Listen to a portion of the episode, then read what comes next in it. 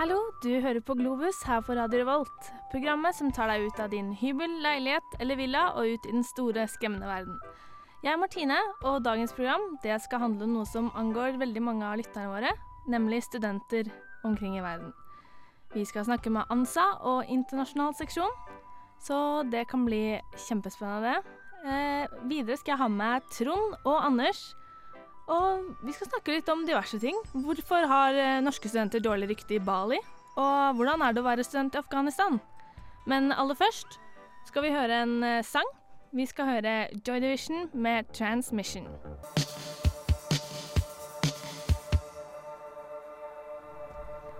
Ja, det var Joy Division med 'Transmission'. Eh, vi er tilbake, og med meg så har jeg Anders Mosund. Og, Trond Borgård. Og i dag så skal vi snakke om studenter rundt omkring i verden. Det stemmer det. Vi skal ta for oss eh, litt eh, forskjellige ting eh, rundt det å være student og det å studere i utlandet. Vi skal jo f.eks. snakke med folk fra ANSA om hvordan det er å være norsk student i utlandet. Og vi skal snakke litt også om hvordan du da kan søke for å bli norsk student i utlandet. Yes, og jeg, også, jeg har tenkt å spørre hvordan ryktet til nordmenn er i utlandet. Vi som fester så mye på Bali. Eh, Mm. Jeg føler på en måte at vi har ødelagt Eh, det kommer jo veldig an på hvor du er i verden, da. Eh, De mer intelligente drar kanskje til London og er ja, seriøse jeg tror kanskje i England så er vi vel sett på som de pene eh, nordmennene som er litt glad i alkohol. Ja. Mens eh, hvis vi drar til f.eks. Australia, så er det fremdeles de pene nordmennene som er litt glad i alkohol. Og hvis Ja. vi drar til eh, Hva skal jeg si Hvis du drar eh, til USA, så er det fremdeles den pene nordmannen som er glad i alkohol. Det det Eh, ja, nei, altså, ja, vi har vel kanskje Altså, vi har vel kanskje et ganske likt eh, Ja. ja, jeg tror ikke folk er Men jeg lurer også litt på det med hvordan eh, utenlandske studenter har det i Norge. Fordi Mm. vi har jo eh, mange ganger blitt slakta, rett og slett, for å ikke ta godt nok vare på de utenlandske studentene. Så jeg tenkte å spørre Ansa litt om det òg, om hvordan de har det. Om integreringen går bra, eller om det blir for store problemer med ulik kultur, da. mm, Det var Ja, Ja, og så skal vi videre skal vi jo ha Ukas sang det skal vi også ha. og Ukas land, som er Finland er det i dag. Det er fordi at de har jo et uh, skolesystem da, som til tross for at er bygd opp på ganske lik måte som det vi har i Norge, er ja, ganske mye bedre. da. De har uh, de elevene som er desidert flinkest til å lære og flinkest til å forstå. Ja, og så har de òg de elevene som går amok og skyter hverandre, akkurat sånn som de gjør i USA. Så Det har de også, men det, har jo, det kan jo være liksom ikke med ja, det at de bor i et veldig kaldt og veldig grått og veldig mørkt land. ja, eller at skolesystemet deres er ganske sånn disiplinært. Ja. Så Det er ma- det er mange mange spennende vinklinger på det her. Ellers var det at de spilte for mye Battlefield 2. Ja, det kan Det være det òg. Ja. Men eh, er det sånn at vi lover studentene våre eh, fjorder og snø, og så blir de skuffa når de kommer hit? Mm, Fjorder av snø og Radio 1. Fjorder og snø har vi nå i hvert fall mer enn nok av. Uh... Ja, jeg synes det var bare nok Jo, men jeg føler ja. at hvis du studerer i Oslo, som da veldig mange utenlandske studenter gjør, da får du jo ikke sett så veldig mye til fjordene hvis ikke du Altså hvis du da har et bra program som tar, opp, tar seg av de utenlandske studentene, så får du jo det. Men det er jo vanskelig å utforske landet alene hvis ikke du har noen som tar seg av deg, da. Det er jo sant, det er veldig viktig å ha, ha en guide, da, eller bli kjent med folk, og det er vel kanskje litt vanskelig i Norge, da. Til og med blant studenter så er vi vel fremdeles litt sånn inneslutta, mange av oss. Ja. Spille litt mye dataspill og Sitter på rommet sine og spiser, og, sitte på lesesalen og sukker, sukker høyt fordi det er så mye å lese. og ja, rett og slett bare er generelt uh, uspiselige, og skal snakke om ting som er totalt uinteressante. Yes, det skal vi også snakke om etterpå. Fordi jeg har Mm. laget en sak om eh, som er litt sånn guilt trip, for å få alle til å få litt sånn dårlig samvittighet før eksamenssesongen. Fordi at eh, du føler at du ikke leser nok, eller? Jeg har ikke åpna bøkene ennå, og jeg har veldig dårlig samvittighet. Så nå tenker jeg jeg skal dele min dårlige samvittighet med alle andre. Mm. Men eh, først så kan vi jo ta en sang, i hvert fall. Eh, Ja. Vi kan høre eh, 'Double Speak' av Trice. Yes, det var Thrice med 'Double Speak'. Eh, vi, du hører på Globus på Radio Revolt, FM 97,9 enn så lenge. Og hvis du vil sende oss en mail, så gjør du det på globus at radiorevolt.no. Eller du kan sende en melding for kun én krone. Eh, da skriver du kodeord RR, og det du vil si, til 2030. Veldig enkelt. Eh, Trond, Ja. du har sett litt på det med mm, skolens opprinnelse. ja. Ja. For uh, skolegang er jo et uh, gammelt fenomen. Eh, nå tenker vi oss altså skolegang, ikke nødvendigvis sånn moderne skolegang. Du har jo, altså, skriftspråket som sådan kom jo for ca. 5500 år siden. Og siden det så har man jo hatt overføring av kunnskap gjennom tekster.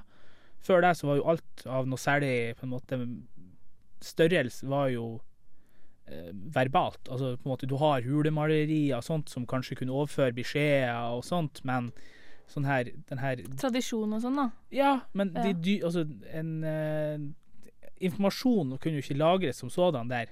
Noe særlig mengder, i hvert fall. sånn at det kom jo ikke før skrivekunsten.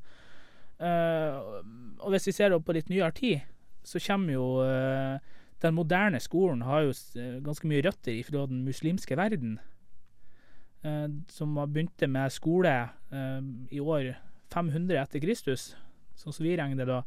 Og hadde utdannelse innenfor medisin, filosofi, eh, religion og naturvitenskapene, som da The sciences. Så de lå ganske langt foran Norge, for å si det mildt. For å si det mildt. Uh, da kan vi si det som så at uh, på 1100-tallet så kom jo universitetene Eller første universitetet kom faktisk i år 859. Det er faktisk ennå i drift, og det hører hjemme i eh, Marokko. Uh, som det eldste universitetet som hadde grader, sånn som vi har det i dag. Altså en doktorgrad sånn, hadde andre navn, og sånt, men altså der du hadde grader. Eh, på 1100-tallet så kom jo det her mer over til Vesten, og du hadde f.eks. Oxford som er, kom på 1100-tallet. da. Uh, det som var jo da at kunnskap er jo makt, og det forsto jo folk på denne tida òg. Sånn at uh, Norge for eksempel hadde ikke noe universitet før i 1810. Nei, 1811, unnskyld. Og det var vel egentlig bare pga. danskene, var det ikke Yes. det? Jo. Sånn at før det, så var jo hvis man skulle utdanne seg til prest, og det var jo en, en av de store yrkene sånn sett, med høyere utdannelse, så måtte man til Danmark. Og da har du sånn, f.eks. for eksempel sånn som Peter Dass, han dro til Danmark for å få utdannelsen sin. Det, er jo, det var jo noe med det at en skulle da uh, prøve å trekke kulturen ut av Norge, da. Eller prøve å forbinde en mer med Danmark. Ja, og så var det noe med, kanskje noe med det at man ikke anså at den kulturen som eksisterte i Norge, var verdt å ta vare på. Det Mm. var en lavkultur som var på en måte den, Ja, den skulle ikke støttes opp med at man hadde skole i Norge. Man skulle ha det mer sentralt, sånn at man kunne styre det mer. Mm. Eh, så det er ja, Ja. veldig spennende. med det. Men eh, og så var det vel mange nordmenn som reiste til Tyskland også etter hvert? For å få musikerutdannelse og sånne ting? Sånn som eh, Edvard Grieg gjorde vel det? De reiste til Leipzig. Ja, det det var mange som reiste ut av eh, Norge. Og det er det jo fortsatt. Det er fremdeles det. Så det mm, Det blir jo bare større òg. Det reise er, reis er en spennende ting som uh, fremdeles gjøres. Men nå gjøres det jo mer frivillig, ikke sant? Ja, nå har vi valgmuligheter i Norge òg, men allikevel det finnes fortsatt bedre universiteter i utlandet. Men hvis man går tilbake litt til det her, eh, det har du f.eks. i Vest-Sahara, så har du den problematikken at uh, du ikke har noen studiemuligheter i Vest-Sahara, men du må til Marokko, som da er okkupasjonslandet, for blir, å få høyere utdannelse. så blir du diskriminert, da. Eh, Visstnok. Eh, hvis du er Hvis du er sahrawi, da. Mm. Altså hvis du er fra Vest-Sahara og kommer til universitetene, så vil du, vil du få problemer, da. Gjennom uh, litt forskjellige ting. F.eks. For at du da kommer, altså du kommer fra, en, fra et okkupert land, og den som da okkuperer det, kanskje ikke har så lyst til at du skal bli så kunnskapsrik. Det, men i det alt det her, det her er jo snakk om høyere utdannelse og sånt, men man må ikke glemme da at på verdensbasis så er 13% av menn og 23% av kvinner kan fremdeles ikke lese og skrive.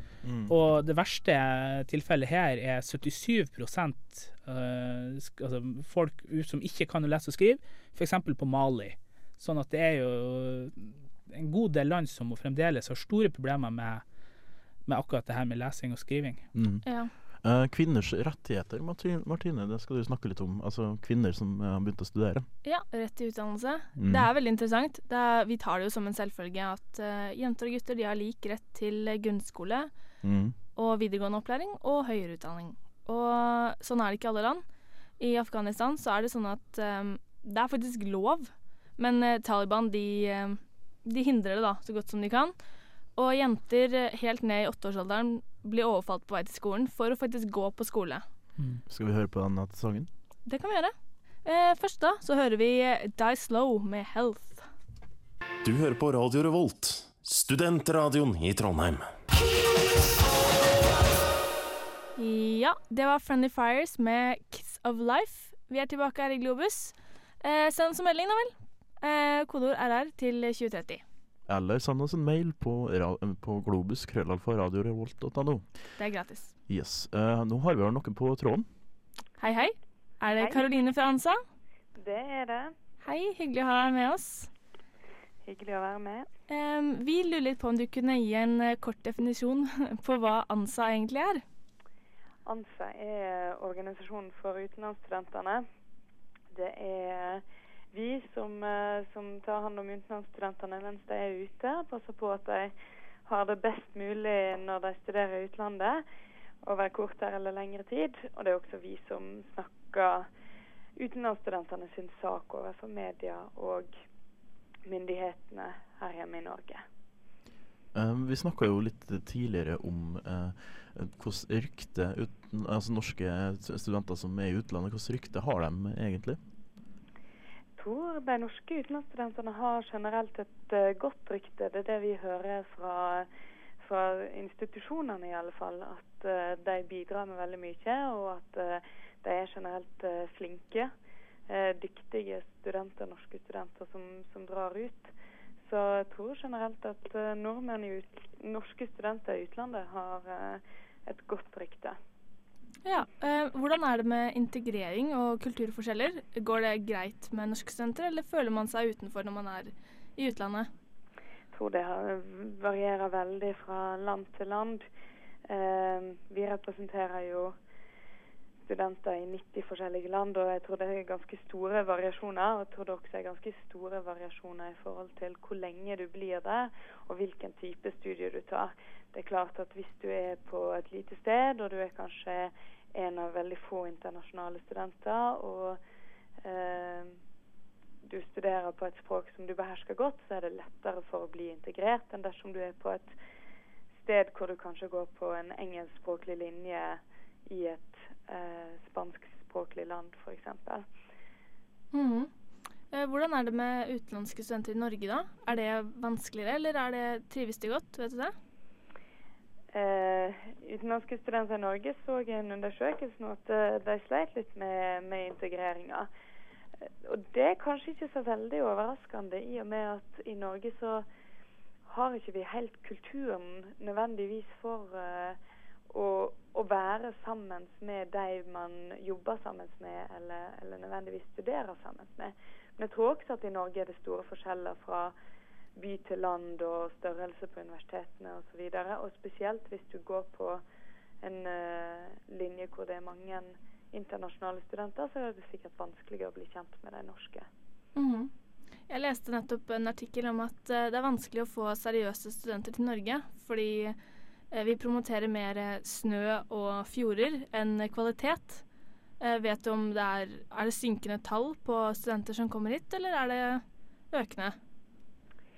Litt usikker på, eh, så vidt jeg forsto på SIU eh, sin siste, sine siste tall, så er det økende tall både av de som kommer hit og de som drar ut. Men det er jo hovedsakelig eh, delgradsstudenter, altså folk som, som kommer hit på utveksling. Um, men jeg, jeg kan jo være enig i at, eh, at Norge absolutt bør profilere seg mer på det som går på, på våre fag, altså der vi er faglig sterke.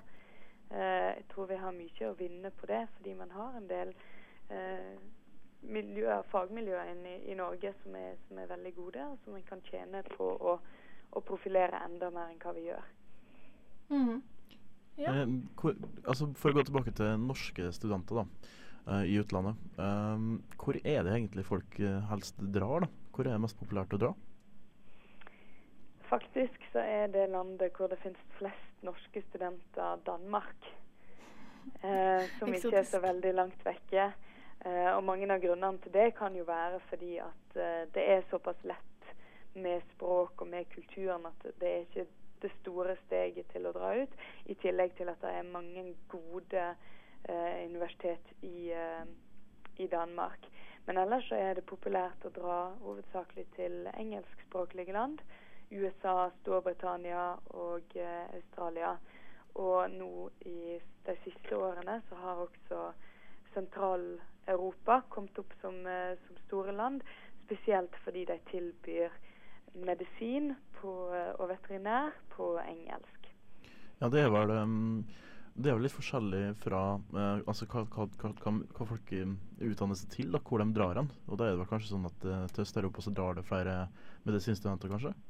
Ja, det er hovedsakelig medisinstudenter som drar til Øst-Europa. Men det begynner å bli flere og flere andre fagfelt også. Bl.a. et par arkitektstudenter i Ungarn og noen idrettsfagstudenter. Eh, så det er litt annet også, men det er jo all hovedsak eh, medisin og veterinær som drar dit, fordi at de tilbyr eh, disse studiene på engelsk. Hva gagner den uh, gjengse norske student å ta seg et uh, år eller flere i utlandet? Tror uh, den erfaringa man får ved å være ute, det er ingen som, som angrer på i ettertid. Du, for det første så, så, lærer du jo et språk mye bedre. selv om du drar til et engelskspråklig land, så er det noe helt annet å få praktisere engelsk hver dag enn den engelsken vi, vi får med oss hvis man studerer her hjemme i Norge. Men drar du til andre språklige land, så får du jo med deg den språkegenskapen. I tillegg så, så, lærer man jo veldig mye om andre kulturer. Man lærer om andre måter å lære på, og man får veldig mange innspill. Eh, og det som er så bra, er jo at norske studenter som drar ut for å studere, kommer stort sett alltid tilbake til Norge og kan bidra med den eh, internasjonale kompetansen og det nettverket man får seg ute. Uh, hvis, uh, hvis, du skulle ha valgt et land, da, du skulle ha valgt et land, uh, hvilket ville vært ditt favorittland å studere i? Jeg har allerede studert i Frankrike og Østerrike. og syns at det var veldig bra. Og til høsten så satser jeg på å dra fortsette videre med studiet og få lov til å studere i Sveits. og mitt studievalg går litt på språk, men det går egentlig hovedsakelig på hvilke studier det er jeg satser på. Så jeg tror det er gjennomgående for veldig mange studenter som velger studie ute, at uh, de ser på hvor er de kan få uh, best mulig utdannelse ut ifra det, det studieønsket man har, uh, og kanskje de forutsetningene man har innenfor språk. Mm, jeg lurer på, Er det vanskelig å få støtte? Sånn, jeg tenker Det er jo veldig dyrt å studere i utlandet. jeg hadde vært Hvis jeg skulle dra til England et år, så jeg syntes det var veldig skummelt med tanke på finansiering. da. Eh, er det vanskelig å få hjelp fra Lånekassen? Mm, det kommer jo litt an på. Uh, Sommerland er jo helt gratis å studere. Både Østerrike og Frankrike f.eks. er gratis. Det engelskspråklige landet må man betale skolepenger, men det er store variasjoner i hvor mye uh, man betaler i skolepenger. Det man får fra Lånekassen, er litt skolepengestøtte. Kommer litt an på litt forskjell mellom mastergrad og bachelorgrad. Så hvis du er på mastergrad, så får du litt mer enn eh, dersom du tar en bachelorgrad ute. Og i tillegg, på veldig dyre skoler, så kan du få litt eh, ekstra i noe som heter tilleggsstipend. Så Norge har blant de beste finansieringsordningene for eh, utenlandsstudenter. Men vi ansatte mener jo at eh, det er ikke godt nok. Og som du sier, langt flere tror jeg ville valgt å dra ut dersom eh, det hadde blitt lagt til rette for det økonomiske i større grad. Er du fornøyd med den nye regjeringas eh, støtte til uten, utenlandsstudenter? De hadde jo håpet at den nye regjeringa skulle ha litt mer fokus på internasjonalisering. I Soria Moria II så ble ikke det nevnt. Um, og vi håper jo også at de ser våre argument med at dersom man skal få flere folk ut, så må man eh, gjøre visse endringer, bl.a. på studiefinansiering. Eh, Tora Aasland, som er og skal fortsette å være minister for høyere utdanning, har sagt at internasjonalisering er viktig, eh, og at det skal det satses på. Så da får vi bare tro at eh, hun mener det hun sier, og at det blir satsa på det de neste fire åra, til tross for at det ikke kom med i Soria Moria. Men vi var jo litt skuffa akkurat da, da. Ja, det skjønner jeg. Mm. Eh, men jeg lurer litt på hva er, det, hva er det ANSA gjør da, hvis jeg er i utlandet? Hva ringer jeg dere for å få hjelp til? Eh, for det første så har vi jo et informasjonssenter i ANSA hvor du kan ringe og få hjelp dersom eh, du lurer på studier før du reiser ut. Altså hvilke land du skal velge, hvilke studier du skal velge osv. Så, videre. så har vi oversikt og gir mye, mye råd om det. I tillegg så, så, hjelper vi mens du er ute. Vi har studentrådgivere her hjemme som kan hjelpe deg med spørsmål angående Lånekassen eller universitetet eller boforhold osv. Eh, og i 21 land så har vi egne landsstyre eh, som arrangerer både faglige og sosiale arrangementer, og som i tillegg gjerne har et eh, medlemsblad f.eks., hvor man får litt tips om hvordan man kan gjøre ting i det landet. da. Mm, det høres jo kjempebra ut. Eh, nettsida deres er ansa.no, stemmer det? Det stemmer. www.ansa.no. Takk skal du ha for at du tok deg tida til å snakke med oss. Tusen takk. Bare hyggelig. Takk til eh, ANSAs representant Karoline. Mm, nå får du Big Boy med Foils. Yes, det var No Mindless Love av Jail. Vi er tilbake her på Globus eh, med seksjonslederen i, i eh, internasjonal eh, seksjon. Hilde, velkommen til oss. Takk, takk. Yes, Vi eh, har litt sånn samme spørsmål som vi har stilt til ANSA, da, om eh, internasjonale studenter, men vi vil gjøre det mer lokalt. Sånn hvorfor kommer folk til Trondheim, av alle steder i verden? Ja, det har jo vi gjort på vi òg, og derfor så har vi spurt de. Uh, jeg lurer litt på hvorfor de norske studentene også kommer til Trondheim. Ja, de som ikke kommer herfra. Når det gjelder de utenlandske, så sier de sånn offisielt at det er den gode akademiske kvaliteten på institusjonen. Mm. Um, når vi begynner å gå litt, litt med, og det tror jeg kanskje jeg hadde sagt om jeg hadde søkt et sted òg. Uh, når vi går litt etter i sømmene, så er det um, faktisk mye Jungeltelegrafen. De vet uh, hva vi representerer. De vet størrelsen på byen. De vet at det er en veldig aktiv studentby. De vet at det er fin natur. Um, nå må vi si det også at det er to ulike kategorier av studenter. Det er de som kommer hit på utveksling, som skal være i en kort periode og dra nytte av eh, kurs vi har for å bruke det som en del av graden hjemme. Og så er det mastergradsstudentene som kommer hit for å ta en grad. Og det er veldig stor forskjell på de mastergradsstudentene, i veldig stor grad u-landsstudenter. Uh, utvekslingsstudentene i veldig stor grad uh, i-landsstudenter. Og spør du u-landsstudentene, så sier de nok det er faget, det er graden, det er innholdet eh, og det som gjør at jeg kommer til Trondheim. Mange av de kunne nok tenkt seg langt varmere strøk. Eh, når det er utvekslingsstudentene, så er det studentlivet, naturen, sporten. Eh, ja, det Trondheim representerer som studentby. Også kanskje for de norske studentene. Ja, for det er jo sånn at Trondheim er jo Norges beste studentby. Her er det liv, og her er det masse bra ordninger på alle måter. Men allikevel, vi syns jo det er litt sånn vi har hørt at uh, Sånn som med uh, fadderordninga, da. Er uh, de utenlandske studentene nå med i felles fadderordning som oss norske? Ja, de er med i noe. jeg vet ikke helt hvordan det er på Dragvoll. Jeg vet at når det gjelder linjeforeningene på Gløshaugen, så er de inne i bildet. Men det er klart at det er jo rimelig spesielle, disse linjeforeningene her hos også. da. Så det er noen av de som blir litt skremt, og det er andre som trives godt med det. Men jeg tror den tilbakemeldingen jeg får, og dette kjører vi jo undersøkelser på, på mottaket for de utenlandske studentene, så er de veldig fornøyd med det. Eh, ekstremt godt mottak, også innen eh, si, invitasjon og, og, orientering rundt byen, rundt samfunnet. Eh, vi har jo en hel uke der vi bare tar oss av disse studentene og prøver å koble dem opp mot de ulike instansene her i Trondheim.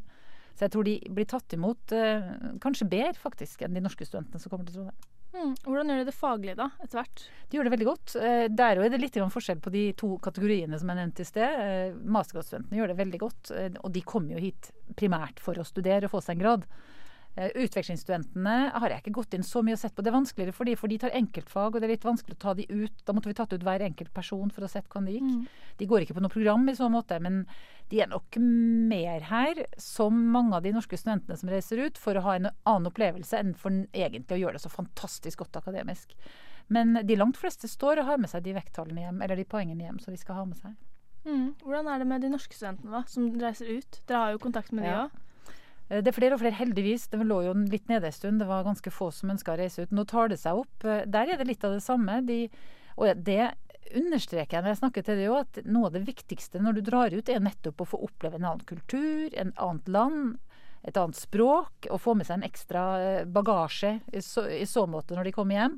Det akademiske viser seg også faktisk blant de at når du kommer til slutt og de skal velge sted, så er det det utenomfaglige som betyr noe. Det er ingen som reiser til institusjoner som ikke er gode nok, og som vi ønsker å sammenligne oss med, altså som har kurs og akkrediterte på det nivået vi ønsker.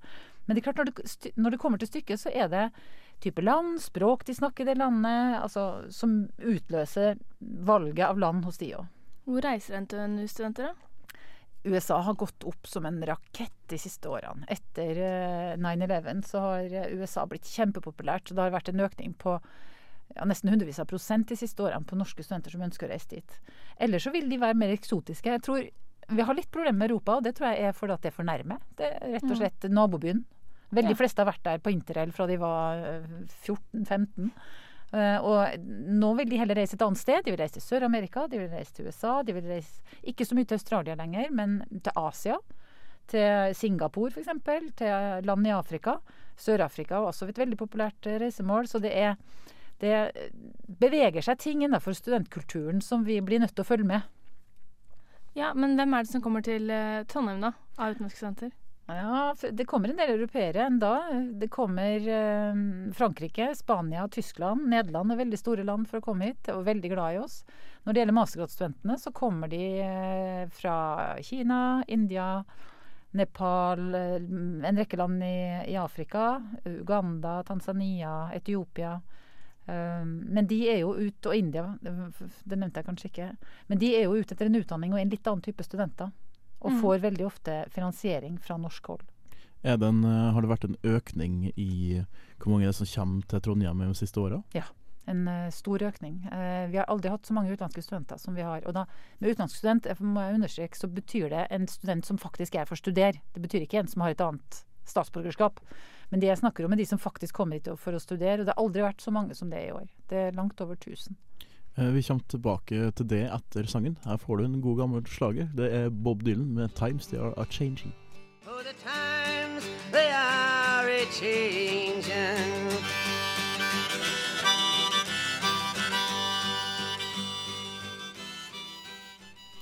Yes, vi er tilbake i Globus med Hilde. Og Anders har jeg også med meg. Ja. Yes. Eh, vi uh, snakka jo litt om det å være internasjonal student i Trondheim, og det syns vi skal fortsette med litt til. Uh, for det var jo uh, litt problemer med å huse de studentene nå tidligere i år. Ja, det var det. Og det har det aldri vært før. Jeg har jobba med dette her i 25 år, så det var jeg utfattelig lei meg for. Og jeg syns det var så trist å se at dette her skjedde. Eh, Det gode som har kommet ut av situasjonen, da, når vi ser det i etterkant, er jo det at eh, studentene var så mektig imponert av Trondheim og Trondheim bys befolkning når først en sånn ting skjedde. Eh, De som måtte ut på byen og finne seg bolig, de var stressa i utgangspunktet, selvfølgelig, for de trodde de kom til et fiks ferdig rom. Eh, Men de sa, når jeg treffer de nå, så sier de at dette her har vært helt fantastisk. Hadde dette her vært skjedd hjemme hos oss, om de kom fra Milano eller fra Tyskland eller Paris, så hadde ikke en eneste person løfta en eneste finger for å hjelpe oss. Mens her stilte hele byen opp. Så jeg tror sånn sett så har det vel eh, Jeg har nevnt Jungeltelegrafen i sted. Jeg tror nok det har hjulpet på at eh, enda flere studenter kunne tenke seg å komme hit. Nettopp pga. det som skjedde. Mm. Men det var jo slik at det ble jo en litt sånn uh, prøve å finne plass-ting, da. At det var jo de, Ja, de, folk bodde jo på båter og litt sånn forskjellig. Var det en uh, Altså, var det liksom eh, bare Trondheims befolkning som da bestemte seg for å bare møtes av studentene med åpne armer, eller hvordan var det du fikk Nei, det var ikke det. I begynnelsen så spurte jeg Adresseavisa om jeg ikke kunne få lov å få førstesida med nettopp en sånn 'Reis Mm. dere, nå Trondheims befolkning, og hjelp'. Eh, Det, nå er det jo aviser og nyheter sånn at de ønsker mer en sånn eh, hva skal jeg si, en nyhetsvinkling, og ikke akkurat den der. i deg. Mm. Nei, det kom litt etter litt. Det kom internt. Vi hadde jo allerede prøvd med, med NTNU sine for de som vi visste ikke fikk bolig, å få de til å, å komme og si ifra. Og etter hvert ble det såpass mye skrevet om det, tror jeg, at det ble en slags sånn selvutløsende greie som Trondheims befolkning sjøl gjorde, og begynte å prøvde å få tak i telefonnummer og sånn. Så jeg tror det var mange som bodde på pikerom, og som faktisk etterpå ikke ønska å flytte på Moholt eller på Steinan eller på en av samskipnadene sine hybler, fordi at de faktisk hadde det så godt. Og nå vil jo folkene bo i byen, eller studentene vil jo helst bo på torget, da. Så det var jo mange av de som fikk lov til det. For de fikk jo hybel hos folk som bodde i midtbyen, så det var jo kjempebra. Og det er jo kjempebra at Trondheim bidro. bidro. -hmm. Um, jeg lurer litt på det med Jeg studerer statsvitenskap. Uh, kan jeg reise til utlandet? Alle kan reise til utlandet, og spesielt du som studerer statsvitenskap må jo. Men jeg mener jo at alle andre må. Eh, Det er en veldig viktig del av, av CV-en din, som vi så populært eh, kaller det papiret du tar med deg ut til, til fremtidige arbeidsgivere. eh, Og har vært et år ute. Jeg, snakker ofte med næringslivet og folk i offentlige etater. De sier alle sammen at har vi to like gode, så velger vi den som har vært på et utenlandsopphold, og som har opplevd den, den eh, kulturen og den, det språket det representerer. Og jeg tror eh, det jeg kunne etterlyst hos næringslivet, var jo at de oftere sa det offentlig. At de faktisk gikk ut og sa vi ønsker folk som har et utenlandsopphold, som har en internasjonal eksponering. For det eh, er viktig for vår bedrift eller vårt firma. Eh, De er, litt, de er ikke så veldig flinke på det. Noen gjør det. Hvis du av og til leser på disse presentasjonene de har på, på Gløshaugen særlig, så er det veldig mange fra næringslivet som sier det. Men det burde vært enda mer eksplisitt fra de som skulle ansette eh, studentene våre i etterkant. Får man oppfølging fra dere da, eller? Hvis, hvis jeg f.eks. drar til Berkeley da, og studerer der.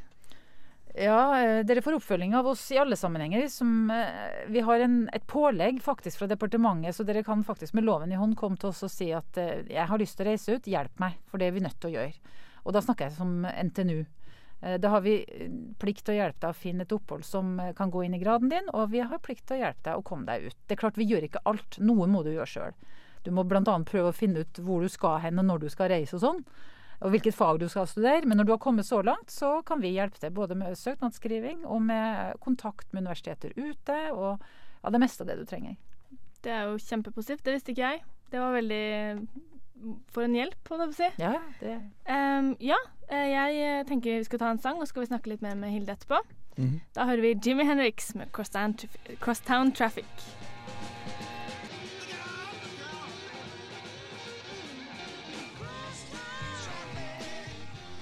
Yes, velkommen tilbake til oss. Du hører på Globus på den fantastiske, fantastiske frekvensen vår, 97,9. Mm, Den liker vi kjempegodt. Veldig fornøyd med den. Eh, vel, vi har fortsatt med oss Hilde fra internasjonal eh, seksjon. seksjon. Eh, og jeg har et spørsmål. Em, jeg eh, har alltid hatt lyst til å studere i Frankrike, men jeg snakker ikke et ord fransk. Går det an å Eller jeg kan litt. Jeg kan basic. Men hvordan er det da? Nei, det kan du godt gjøre. Eh, Det er veldig gode ordninger i Lånekassa til å ta språkkurs. Eh, Dessuten er mye av kursene også i Frankrike nå etter hvert, tro det eller ei, det skulle man jo ikke tro for noen år siden, på engelsk. Eh, Sånn at du kan velge ut fra universitetene der du skal studere, om de går kurs på engelsk eller på fransk. Og så kan du få franskkurs før du begynner på, på studiet i Frankrike. Det er jo tipp topp. Ja. Yes. Lærer du nytt språk òg. Det jeg lurte litt på, altså at eh, det finnes jo forskjellige sånne støtte, støtteordninger. Mm. Og en av dem som da eh, har blitt aventert en del, da, det er en som heter for eh, Erasmus-stipend. Ja. Hva er det egentlig Erasmus-stipendet innebærer? Det er masse penger. Eh, Det er nesten sånn at det er litt ekkelt å si det. Eh, Vi har to store finansieringsordninger for de som skal reise ut. Det ene er NTNU-stipendet. Vi får eh, 1,5 million fra styret hvert år som vi deler ut i stipend til studentene som reiser ut. Det gir vi til studenter som skal ut av Europa, fordi i Europa har vi Erasmus. Og Erasmus-stipendet kan gis til de som reiser innenfor Europa. De gis nesten til alle sammen. Eh, Det som kreves da, at vi inngår en avtale med universitetet ute, det er ikke noe problem. Det går veldig bra. Det er bare å skrive under på en avtale med det universitetet, og de, nå tror jeg vi har 250 avtaler med europeiske universiteter, så det skal godt gjort å finne et universitet vi ikke har noen avtale med. Og så får du plass der, og så får du stipend fra oss, eller det vil si gjennom Brussel, da, for pengene kommer opprinnelig fra Brussel. Mm. Eh, så hvis du da f.eks. har lyst til å studere da i Brussel, mm. eh, så får du da penger fra Erasmus da fra Brussel Mm. via Norge til Brussel, Ja. eller? Ja. Eh, men altså, har du en liste over hvilke, studi- hvilke universiteter og sånne ting det er som er involvert i Erasmus? mm.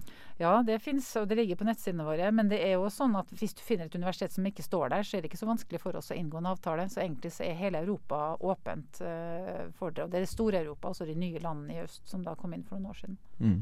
Um, altså er det, er det, er det Hvis du f.eks. drar til Øst-Europa, Mm. eh, er det skummelt, eller er det farlig? Eller får det mange som bekymrer seg litt over det?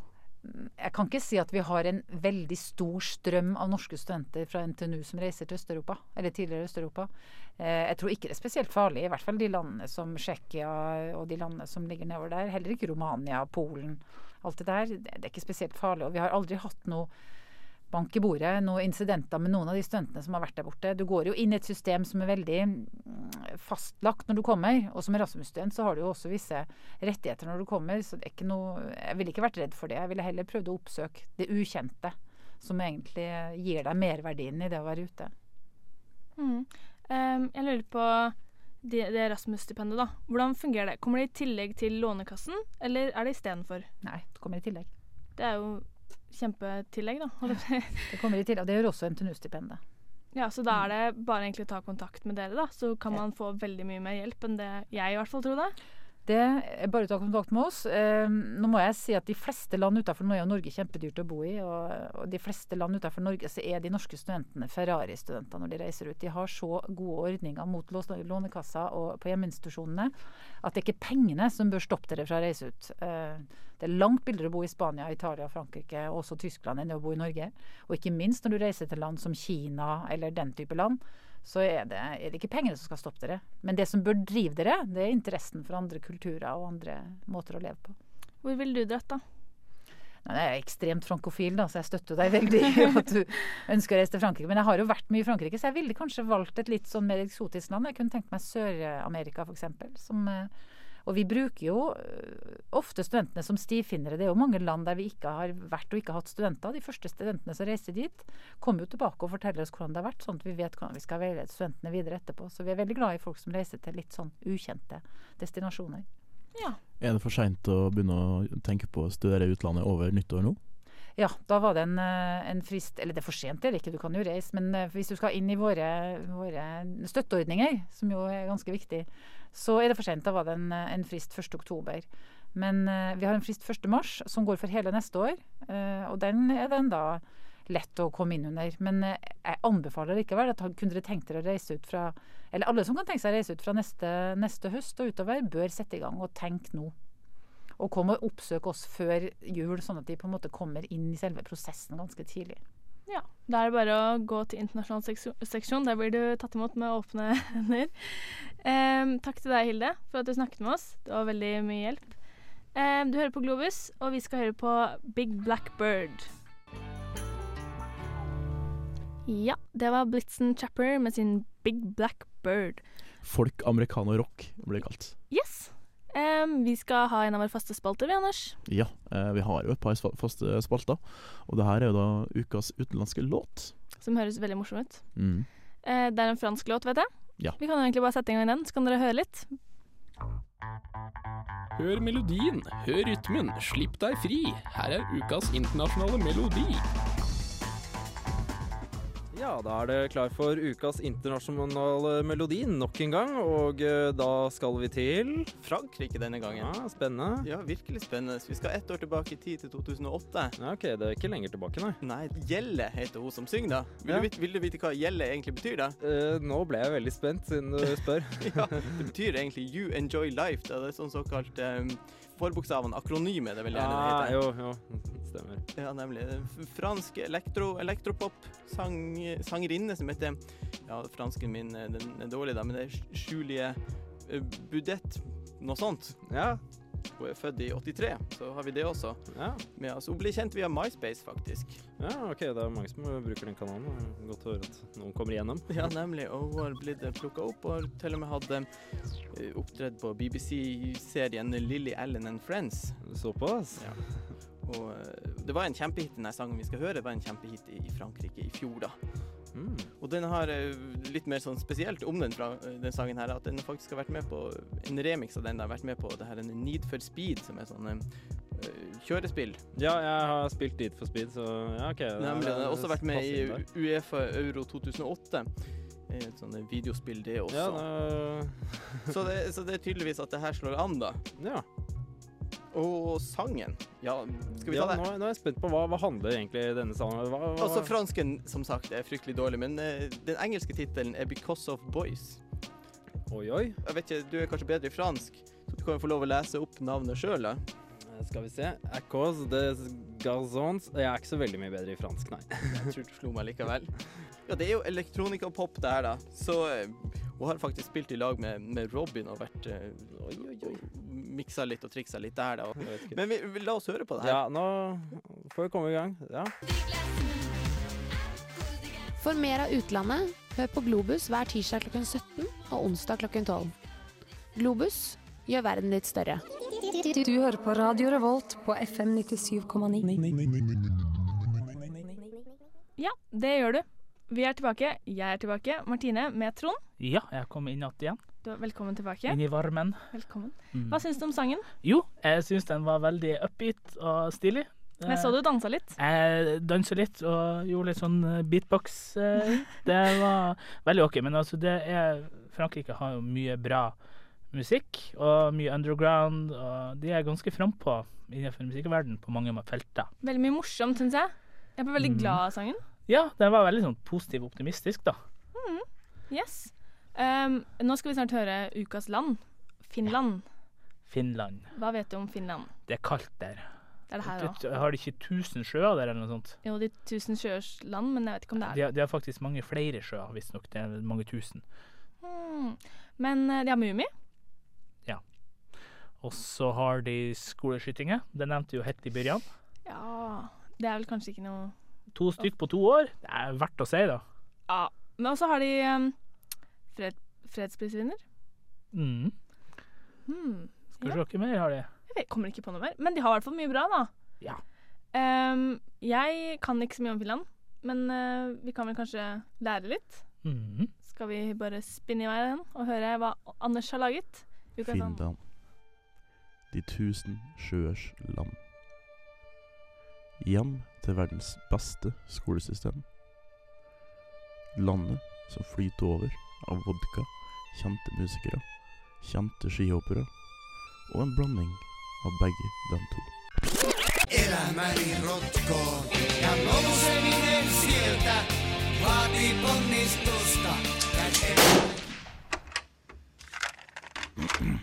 Ja. Dette landet, med pene jenter, mummitroll og et helt merkelig språk som ingen andre, kanskje med unntak av Ungarn, har muligheten til å forstå. Ja verot on maksanut joka pennin perkele. Koittakaa itse katsoa, mitä se on perkele yksityisenä yrittänyt, kun kaikki perkelee verot. No naisia on läsnä. Kun kaikki perkelee verot, mitä herrat on mulle laittanut. Ja da, ja da. For å komme til poenget. Finland, altså republikken Finland, er ett av våre naboland. Sånn i tilfelle du ikke visste. I Finland bor det fem og en kvart million mennesker. Og landet har vært okkupert av to andre naboland deres, nemlig Russland og Sverige. Landet var en del av eh, kongedømmet Sverige fra 1200-tallet og fram til 1809, da det ble avgitt til Russland ved erobring som det sjølstyrte storfyrstedømmet Finland. I kjølvannet av det russiske sammenbruddet i første verdenskrig og den eh, russiske revolusjonen i 1917 erklærte Finland uavhengighet. I borgerkrigen mellom sosialistene, de røde og de konservative, de hvite, vant til slutt de hvite. I løpet av den eh, andre verdenskrig måtte Finland to ganger gå i krig med det mektige Sovjetunionen og måtte avgi det østlige landområdet Karelen. I løpet av eh, 1900-tallet utvikla Finland seg fra å være et av Europas aller fattigste land gjennom politisk eh, konfliktskapende industrialisering til å bli et moderne, stabilt demokrati innenfor EU og Norden. Det er i hvert fall det Wikipedia sier. Og når eh, Wikipedia sier det, stemmer det sikkert. Uansett. Finland er et land med mange sider. For eksempel så sliter mange i landet med alkoholisme. I Finland er det et par tusen mennesker som stryker med hvert år pga. alkoholforbruket. Enten gjennom hvor mye de drikker, eller hva de gjør i fylla. I 2005 drakk vårt nabofolk til sammen 55,2 millioner rein alkohol. Det er ganske godt gjort for en befolkning ikke så mye større enn vår egen. Men hva er det som gjør at Finland, til tross for sin alkoholisme, er et av verdens flinkeste land når det kommer til skole og økonomi? Hva er det som skiller dem fra oss? Mange har spurt seg det spørsmålet, og mange har forskjellige forklaringer. Min forklaring er ganske enkel. Det er det finske samholdet som oppstår gjennom to av deres største personer. Den verdenskjente saunaen og finsk tango.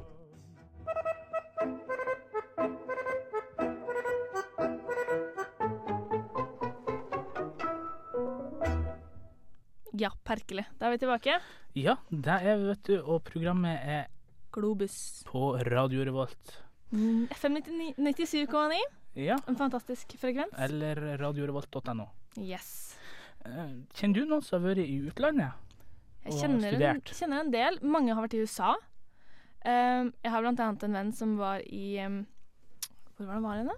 Han var i Wisconsin, tror jeg. Og så bodde han i en sånn bitte, bitte liten by med sånn ja, 1000 innbyggere, hvor det bare var jaktsesong hele året. Det var det eneste de gjorde.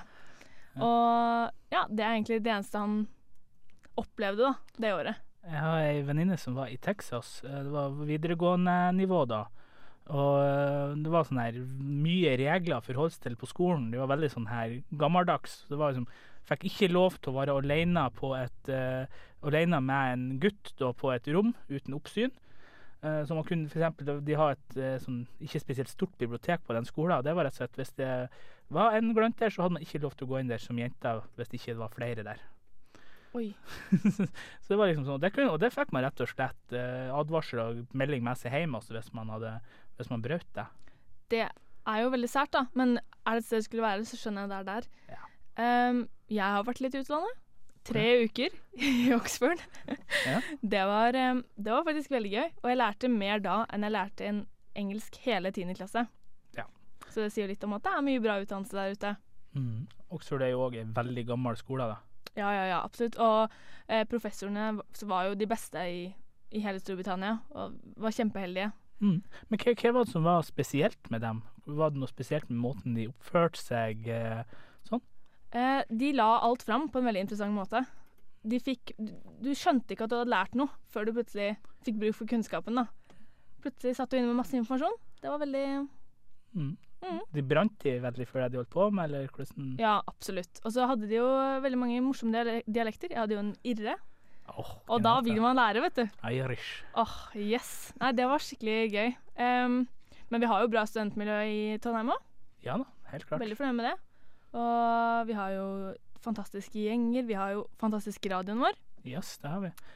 Så det er en ting som er litt stilig, det er jo her oppe på Jeg har bodd oppe på Moholt her. Um, det er faktisk halvannet år. Det har vært veldig mye spennende utenlandsstudenter som har vært innom. Um, så jeg har snakka mye med. Det er jo ofte De som kommer utenlands, er ofte veldig sånn her spennende. De er veldig sånn har lyst til å bli kjent med folk. De har lyst til å være litt sånn sosial. Veldig mye mer utadvendte enn nordmenn. Ja, i hvert fall mer enn en god del som man har. Ja, for det eksisterer vel en sånn myte i Trondheim om at alle utenlandsstudenter de bor på Moholt. Så det stemmer da, eller?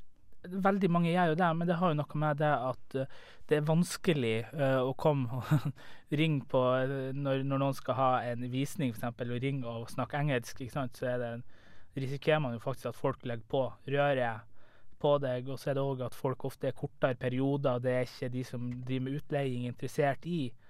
Sånn at eh, i hvert fall for eh, studenter som er i kortere perioder, så er det på en måte få muligheter, og da blir det ofte målt. Men uh, Ja. målt er jo en plass å bo, det òg, altså. Ja, Helt hvis du er utenlandsstudent i Trondheim, så kan du bo hos Trond. Eh, vi skal nå høre en sang som vi i radioen gjerne vil dedikere til eh, Trond eh, Giske. Pink Floyds Wish you were here. Nja, det er Torstein Hyl fra Sydebrok med en viktig beskjed til Radio Revolt. Nå er det på tide å leve opp til navnet sitt, eh? Fuck Trond Giske.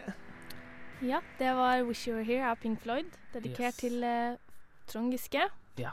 Vår venn i nøden. Ja Oh, ja. Det er faktisk yndlingssangen min, visste du det? Nei, det visste jeg ikke, men nå gjør jeg jo det. Mm. Så du hører fremdeles på Globus, Globus. på Radio Revolt. FM 97,9. Yes. Og vi har om temaet Vi har om temaet studenter i utlandet og i Norge.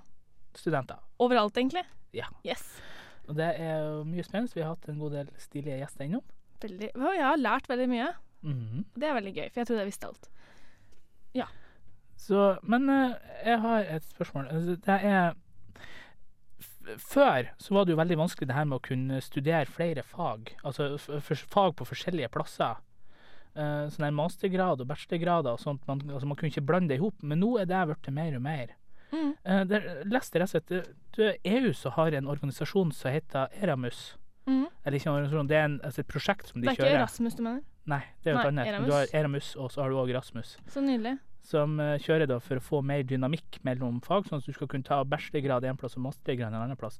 Jeg syns det er veldig spennende, veldig trivelig, for det er jo sånn her at du kan faktisk eh, ja, ta utdannelsen der du vil, og du har jo en god del sånn spesialutdannelser som du kun, altså som kun finnes på enkelte plasser. At du, hvis du vil ha akkurat den spesifikke utdannelsen, eh, så kan du f.eks. ta en mastergrad i England eller i Belgia eller hvor som helst.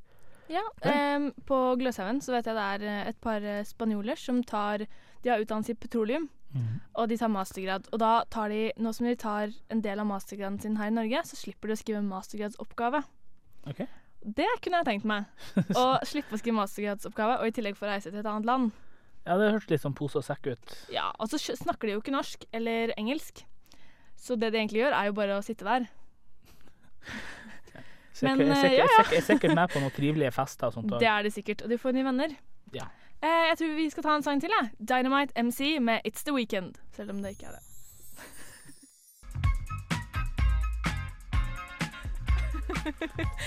eh, ja, da er vi tilbake. Eh, det var It's The Weekend med Dynamite MC. Eh, Unnskyld jeg lo, men jeg så nettopp tekniker og Trond danse Hva var det? Slangen, er det det heter? Nei. Ja, jeg, jeg tok litt Macarena der innimellom. Veldig nice.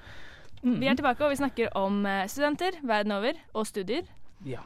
Eh, og Trond, hvordan, det med, eller hvordan har det vært med uformell utdannelse, som eh, lærlingplasser og sånn, da? Ja, det er jo ikke Uformell er jo feil ord å bruke. Du har jo fremdeles lærlingsystemer i dag der at du går som lærling etter du har en bit formell utdannelse, og så går du i lærling i et noen år, og så er du da ja, f.eks. snekker eller altså, tømrer eller litt Du får får svennebrev. Ja. Ja.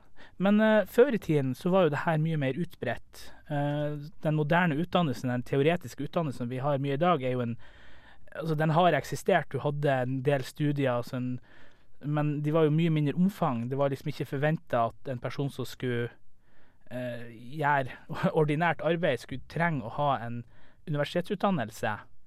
Eh, og da hadde du jo da f.eks. mange som gikk i lærling. Der at uh, du hadde laug. La oss si at du, var, du hadde et møbelsnekkerlaug som uh, da hadde medlemmer, og de medlemmene hadde da rett til å ta opp en lærling og lære opp en lærling. Når den lærlingen da var, f- eh, følte seg ferdig opplært, så laga da vedkommende et arbeidsstykke. Altså, som eksempel hvis det var da en eh, møbelsnekrer, kunne være f.eks. å lage et bord og stoler. Altså lage et sett med bord og stoler. Og det her fikk da, eh, gikk da Lauge inn og så på, og så om at kvaliteten på det her arbeidsstykket her var godt nok for da å kunne bli tatt opp i lauget. Og når man da var øh, godkjent av lauget, var medlem der, så kunne man jo sjøl begynne å ta opp medlemmer og var, kunne var ansett som en mester i faget da, etter hvert. Og det ja, var rett og slett en måte for å sikre kvalitet. Og det var jo sånn at hvis man da ansetter en, en uh, møbelsnekker eksempel, som hadde uh, tilknytning til lauget, så var man øh, på mange måter sikra kvaliteten, fordi at da var det på en måte, ja, andre med lignende fagkunnskap hadde gått og sett på at dette arbeidet her er tilfredsstillende kravene. Og ja, dårlig, dårlig tilbakemelding fra kunder kunne gjøre at man ble kasta ut av laug og sånt.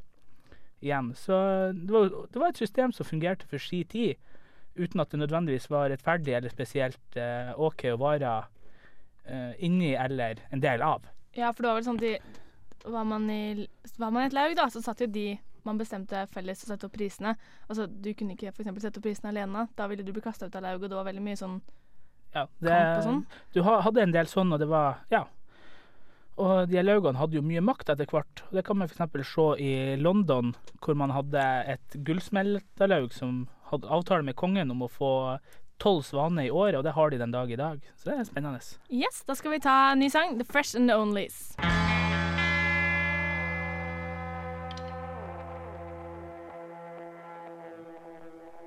Ja, det var Dudes Got a Tender Heart. Du hører fortsatt på Globus. Og vi har hatt en flott sending i de siste to timene. Har vi ikke det, Anders? Jo da, det var jo en fin sending. Eh, på en eh, litt trist dag, kan vi si. Eh, litt trist. Eh, det kan du sikkert eh, lese mer om i media hvis du er nysgjerrig, som du Mm. burde være. Det burde være.